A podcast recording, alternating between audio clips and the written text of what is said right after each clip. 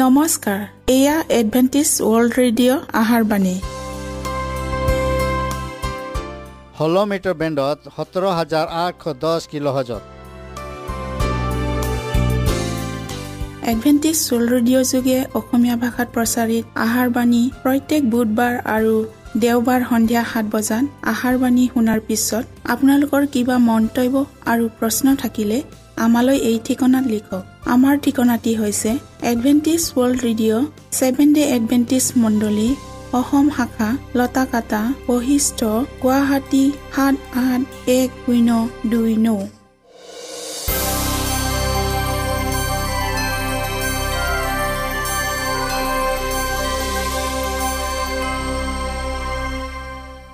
প্ৰিয় শ্ৰোতা বন্ধুসকল এতিয়া শুনো আহক এটি খ্ৰীষ্টীয় ধৰ্মীয় গীত।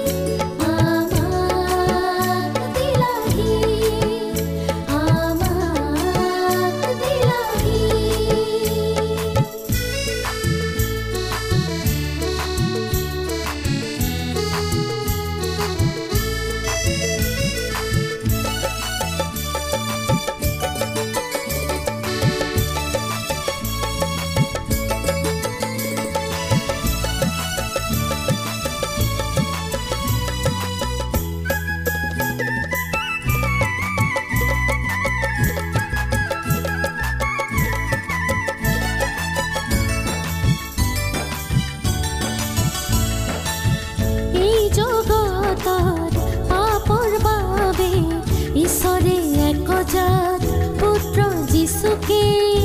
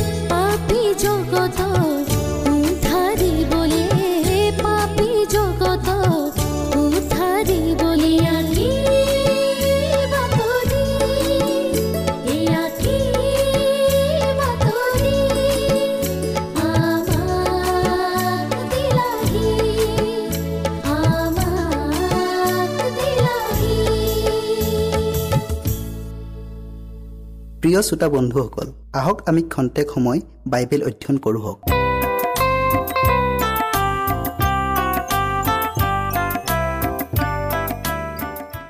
আজি আমি অন্যায়কাৰীসকলৰ বিশেষ পুনৰুত্থানৰ বিষয়ে অধ্যয়ন কৰোঁ হওক।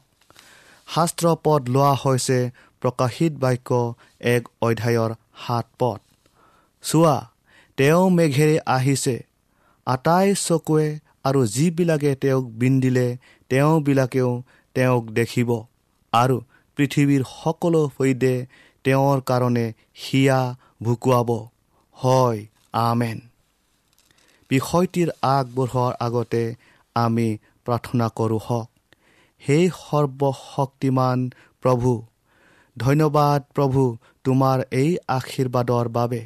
প্ৰভু আমি আজি বিশেষ অন্যায়কাৰীসকলৰ বিশেষ পুনৰুত্থানৰ বিষয়ে অধ্যয়ন কৰিবলৈ আগবঢ়াইছোঁ।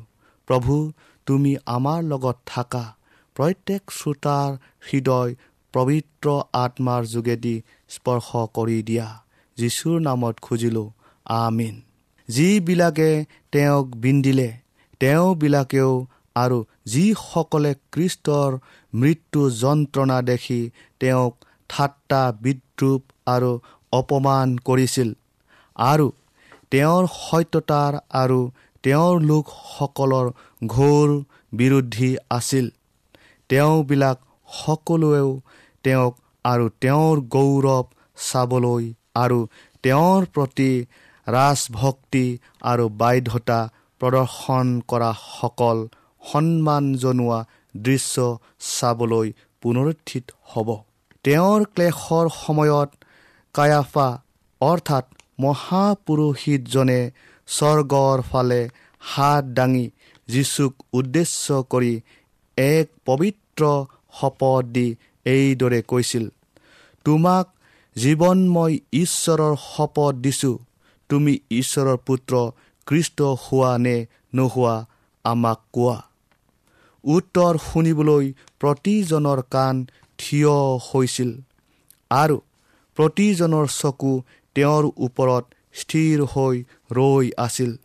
তেওঁ এইদৰে উত্তৰ দিছিল তুমি স্বৰূপ কলা। যেতিয়া তেওঁ এইদৰে কৈছিল তথাপি মই তোমালোকক কওঁ এতিয়াৰ পৰা তোমালোকে মানুহৰ পুত্ৰক পৰাক্ৰমৰ সোঁহাতে বহি থকা আৰু আকাশৰ মেঘত অহা দেখিবা। তেতিয়া তেওঁৰ হেতা আৰু হেতা পৰি যোৱা মুখমণ্ডল স্বৰ্গীয় পোহৰৰ দ্বাৰা উজ্জ্বল হৈ পৰিছিল। খন্তেক সময়ৰ বাবে মানৱৰূপী তেওঁৰ শৰীৰৰ মাজেৰে কৃষ্টৰ ঐশ্বৰিকতা উদ্ভাসিত হৈ পৰিছিল। ত্ৰাণকৰ্তাজনাৰ অন্তভেদী চাৱনিৰ সন্মুখত মহাপুৰোহিতজন ভয়ত কোচ খাই গৈছিল। খন্তেকৰ বাবে তেওঁ অনুভৱ কৰিছিল। তেওঁ যেন অনন্ত বিচাৰত থিয় হৈছে যাৰ চকুৱে তেওঁৰ অন্তৰ পঢ়িব পাৰে আৰু সেই গোপনীয় বিষয়বোৰক পোহৰলৈ আনিব পাৰে যিবোৰ বিষয়ক মৃত্যুৰ লগতে পোত খাই যাব বুলি ভবা হৈছিল। এই দৃশ্য পুৰোহিতজনৰ পৰা বাগৰি গৈছিল। এনে অনুভৱো আঁতৰি গৈছিল। তেওঁ নিজৰ গাৰ বস্ত্ৰ ফালি এইদৰে কৈছিল ই ঈশ্বৰ নিন্দা কৰিলে সাক্ষীত আমাৰ আৰু কি প্ৰয়োজন আছে? তেওঁ কৈছিল চোৱা এতিয়া তোমালোকে ঈশ্বৰ নিন্দা শুনিলা তোমালোকৰ মনে কি ধৰে? আৰু সকলোৱে তেওঁক দোষী সাব্যস্ত কৰিছিল। এনেকৈয়ে যীহুদীৰ চলাওঁতাসকলে নিজৰ নিজৰ পথ বাছি লৈছিল। তেওঁবিলাকৰ সিদ্ধান্তক সেই হিচাপ ৰখা পুস্তক লিপিবদ্ধ কৰি ৰখা হৈছিল যাক জোহনে সিংহাসনত বহি থকা জনাৰ হাতত থকা দেখিছিল। যি পুস্তকখনক কোনো মানুহে মেলিব নোৱাৰে যীহুদা ফৈদৰ সিংহ পুৰুজনাৰ দ্বাৰা যেতিয়া পুস্তকখন মেলা হ'ব তেতিয়া এই সিদ্ধান্তৰ সকলো প্ৰমাণ তেওঁবিলাকৰ সন্মুখত ওলাই পৰিব। যেতিয়া খ্ৰীষ্টৰ দ্বিতীয় আগমন হ'ব তেতিয়া এজন বন্দীৰ দৰে তেওঁৰ চাৰিওফালে বিদ্ৰোহীবোৰক ঘেৰি থকা দেখা নাযাব। তেওঁক স্বৰ্গৰ ৰজাৰ ৰূপতহে দেখিবলৈ পাব। তেতিয়া সেই বিচাৰৰ কক্ষত পুৰোহিত আৰু শাসনকৰ্তাসকলে সকলো দৃশ্য স্পষ্টকৈ মনত পৰিব। প্ৰতিটো অৱস্থা পৰিস্থিতি তেওঁবিলাকৰ সন্মুখত দেখা দিব যেন সেইবোৰ অগ্নিৰ আখৰেৰেহে লিখা হৈছিল। দ্বিতীয় পিতৰ তিনি অধ্যায়ৰ দহ পদটো আমি আকৌ পঢ়ো হওক। চোৰৰ নিচিনাকৈ প্ৰভুৰ দিন আহিব। সেইদিনা আকাশমণ্ডলে হু হু শব্দ কৰি গুচি যাব আৰু মূল বস্তুবোৰ দগ্ধ হৈ লয় প্ৰাপ্ত হ'ব আৰু পৃথিৱী আৰু তাৰ সকলো বস্তু পূৰা যাব। প্ৰভুৰ দিনৰ দিনা খ্ৰীষ্টৰ আগমৰ ঠিক আগে আগে ঈশ্বৰে স্বৰ্গৰ পৰা পঠোৱা তেওঁৰ ক্ৰোধৰ লগতে পোহৰো পঠিয়াব। যি পৃথিৱীত আহি অগ্নিৰ লগত লগ ল'বহি। এটা চৌকাৰ দৰে পৰ্বতবোৰ পূৰা যাব আৰু তাৰ পৰা অতি ভয়ানক গলিত লাভা নামি আহিব। সেই লাভাই ফল মূলৰ বাগিচা আৰু শস্যৰ পথাৰ গাঁও আৰু নগৰ চহৰবোৰ ধ্বংস কৰিব। প্ৰচণ্ড উত্তাপত লোহাৰ আকৰ গলাৰ দৰে শিলবোৰ গলি যাব আৰু গলিত শিল আৰু উত্তপ্ত বোকা নদীবোৰত বৈ গৈ পৰোঁতে তাৰ পানীবোৰ পাত্ৰৰ গৰম কৰা পানীৰ দৰে উতলিবলৈ ধৰিব আৰু প্ৰকাণ্ড প্ৰকাণ্ড শিলবোৰ ওপৰৰ পৰা বাগৰি সমতল ভূমিত ভয়ানক শব্দ কৰি চূৰ্ণ বিচূৰ্ণ হৈ চাৰিওফালে সিঁচৰিত হৈ পৰিব। সমুদায় নদ নদী শুকাই যাব। পৃথিৱীখন বৰকৈ জোকাৰ খাব। আৰু পৃথিৱীৰ উপৰি ভাগত ভয়ানক ভয়ানক দ কাৱৈৰ সৃষ্টি হ'ব। আৰু য'তে ত'তে ভূমিকম্প হ'ব। পৃথিৱীত নিৰ্বাহ কৰা দুষ্ট লোকবিলাকক সম্পূৰ্ণভাৱে বিনষ্ট নকৰা পৰ্যন্ত ঈশ্বৰে উৎপাত পঠিয়াই থাকিব। এজন মদাহীয়ে তলং পলং হৈ কোচ কঢ়াৰ দৰে পৃথিৱীখন এবাৰ আগফালে এবাৰ পাছফালে কৰি তলং পলং কৰিব আৰু এটি সৰু পজা ঘৰৰ দৰে জোকাৰ খাব। সকলোবোৰ বস্তু অগ্নি শিকাত পৰিণত হ'ব আৰু আকাশখন নুৰিওৱা পুতি এখনৰ দৰে কোচ খাব। পৃথিৱীৰ গৰ্ভত থকা বস্তুবোৰৰ বিস্ফোৰণ হোৱাৰ ফলত ভূপৃষ্ঠৰ উপৰি ভাগ ফালি চিৰা চিৰ হ'ব। এই বস্তুবোৰ ভাঙি টুকুৰা টুকুৰি হৈ লাভাৰ দৰে উঠি গৈ সেইসকলৰ ভঁৰালবোৰ নষ্ট কৰিব যিসকলে নিজৰ ক্ষমতা বিস্তাৰৰ বাবে আকালৰ সময়তো সা সম্পত্তি মজুত কৰি ৰাখিছিল। আৰু খাদ্য বস্তুৰ দাম দুগুণ কৰি বিক্ৰী কৰিছিল আৰু নিজৰ কৰ্মচাৰীসকলক শোষণ কৰি সেই ভঁৰালত ধন সাজিছিল। প্ৰিয় শ্ৰোতা বন্ধুসকল সেই সৰ্বব্যাপী মহা অগ্নিকুণ্ড কিন্তু আমাৰ পৰা আৰু বেছি দূৰত নাই। যেতিয়া সেই সৰ্বনাশৰ সময় আহিব তেতিয়া জীৱনত কেৱল আৰ্জীৱৰ বাবে কেৱল নিজৰ বাবে অতিমাত্ৰা পৰিশ্ৰম কৰাৰ সকলো ফল এনিশা আৰু এদিনতে চাৰ খাৰ হৈ যাব। মানৱ জীৱন ভয়ংকৰভাৱে ধ্বংসপ্ৰাপ্ত হ'ব। কিন্তু সেই প্ৰবল জলপ্লাৱনত নোহৰ জীৱন সেই জাহাজত যেনেকৈ ৰক্ষা পৰিছিল যাক স্বয়ং ঈশ্বৰেই ব্যৱস্থা কৰি দিছিল ঠিক সেইদৰে ঈশ্বৰে নিজৰ বিশ্বাসীসকলক সেই মহা ধ্বংস আৰু দুৰ্যোগৰ দিনত ৰক্ষা কৰিব। নিজেই তেওঁলোকৰ বাবে আশ্ৰয়ত দুৰ্গ হ'ব। গীত ৰচোতাজনৰ যোগেদি তেওঁ এইদৰে ঘোষণা কৰিছে কিয়নো তুমিয়েই প্ৰভুক সৃজন কৰিলা যি মোৰ আশ্ৰয়ৰ স্থল এনেকি অতি ওখ ঠাইত তোমাৰ বাসস্থান। তাত কোনো দুষ্টতা নাই। তোমাৰ বাসস্থানত ৰাতি কোনো আপদো নাহে। কাৰণ সংকটৰ সময়ত তেওঁ মোক তেওঁৰ আশ্ৰয়ত লুকাই ৰাখিব। তেন্তে প্ৰভুক আমাৰ জামিনদাৰ আৰু আমাৰ ৰক্ষক কৰি নলমনে? যিসকলে তেওঁক প্ৰেম কৰে তেওঁবিলাকৰ বাবে গৈ কৃষ্টই যি ঠাই যুগুত কৰিছে তাত স্থান পাবলৈ আমি নিজকে প্ৰস্তুত কৰা উচিত। পৃথিৱীত যিমান সংঘৰ্ষ সংঘাত ঘটিলেও তাত আমি নিৰাপদ বিশ্ৰাম পাম। এই অধ্যয়নৰ যোগেদি ঈশ্বৰে আপোনালোকক আশীৰ্বাদ কৰক।